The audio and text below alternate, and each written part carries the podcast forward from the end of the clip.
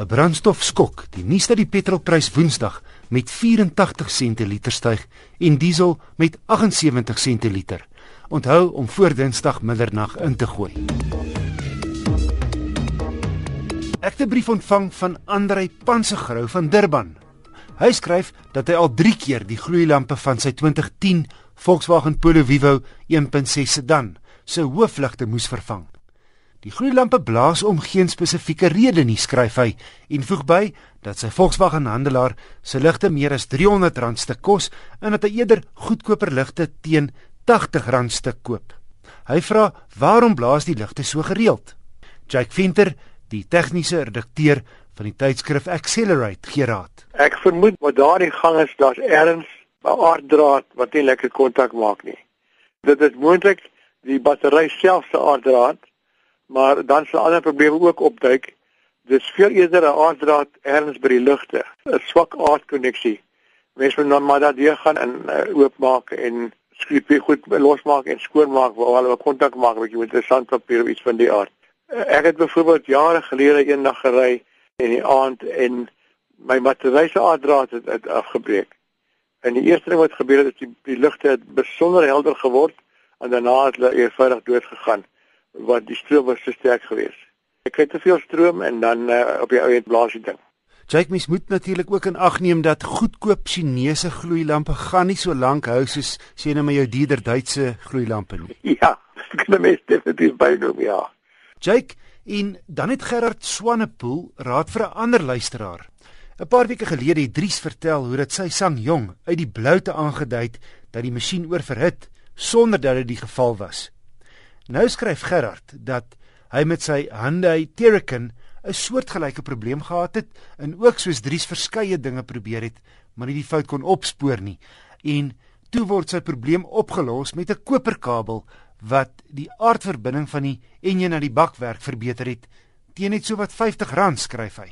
Jake, hoe reageer jy? Dit maak vir my sin uit. Meeste motors, in feite alle motors het eerstens daar's 'n aardverbinding van die battery na die na die enjin toe en as een van die enjin aan die bakwerk toe want 'n uh, motor se elektrisiteit is oor die algemeen is 'n eendraadstelsel. Met ander woorde die krag gaan erde al die punte toe byvoorbeeld die ligte en dan uh, is daar 'n aard deur die bakwerk self in plaas van om weer 'n ander kabel te hê terug na die battery toe. So daai koneksie tussen die enjin en die bakwerk is baie belangrik ek het byvoorbeeld 'n geval gehad waar daai koneksie gebreek het en toe begin die man se verstellingskabel word toe rooi warm want hy word toe die aarddraad en dit kan ook eintlik in die brand steek. So daai oplossing wat die leser gegee het, eh, maak vir sin uit want dit kan enige meter se lesing beïnvloed. Wat my bietjie pla van hierdie brief is party van die dinge wat die handelaar gedoen het. In eerste plek is 'n motor se instrumente vir jou wys hy oorverhit.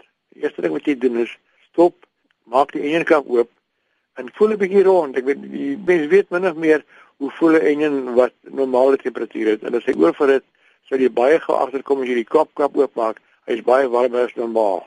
Dan word mense sal amper kan kan op daai manier uitvind of die meter verkeerd is of ding werklik oorverhit het. Dis wat gebeur het in die eerste geval met die Sanyong, as die meter fout was daar gewees. En, en dieselfde hierso met hierdie hierdie Hyundai ook. Hmm. Dis 'n meter fout gewees. Die tweede ding is mense waier is net effektief onder 80 km/h. Bo kan 80 kan jy maar weggooi. Hy hy is net daar vir stadige verkeer. So as 'n moeder oorverhit hier dan in 20, sal ek nie eens kyk na die waier nie. En tog het die handelaar dit vervang, dis dis mors van geld. Wat hulle wel gedoen het wat korrek was is deur die verkoeler te laat skoonmaak.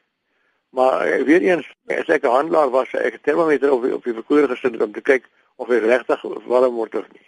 Aan die ander wyse is eintlik maar 'n swak diens wat daar gekry het. Dit was Jake Venter, die tegniese redakteur van Accelerate. Motornavraag kan aan my gerig word deur te skryf na Wessel by rsg.co.za. Citroen se baie aantreklike DS3 is die Franse antwoord op die gewilde Mini. Tot nou toe het die goedkoopste DS3 in 1.6 byna 239 000 rand gekos. Nie goedkoop nie in ag geneem dat jy 'n Mini One vir 198 000 kan koop. Nou Citroen 'n meer bekostigbare DS3 teen 200 000 op die mark gestoot met 'n 1.2 liter 3-silinder oontjie. 60 kW teenoor die Mini One se 72. So die Citroen is geen blits nie. Maar die wonderlike van hierdie 3-silinder Citroen is sy petrolverbruik. Ek het op my gekombineerde siklus van stad en snelwegry 6.1 liter per 100 km gemeet.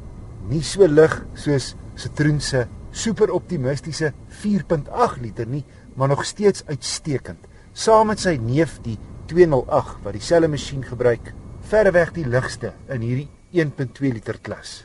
Gelukkig lyk hy nie soos 'n basismodel nie, buite byna eeners as die dierder modelle en binne word hy nie afgeskeep nie. Die stuur kan op en af, 'n 6 luidspreker klankstelsel, tog beheer, 'n omvattende ritrekenaar, vier ligsakke, ABS remme en elektroniese stabiliteitsbeheer. Baie gerieflike sitplekke voor.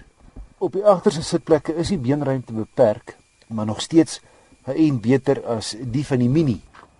En die bagasieruim ook groter as die van die Mini.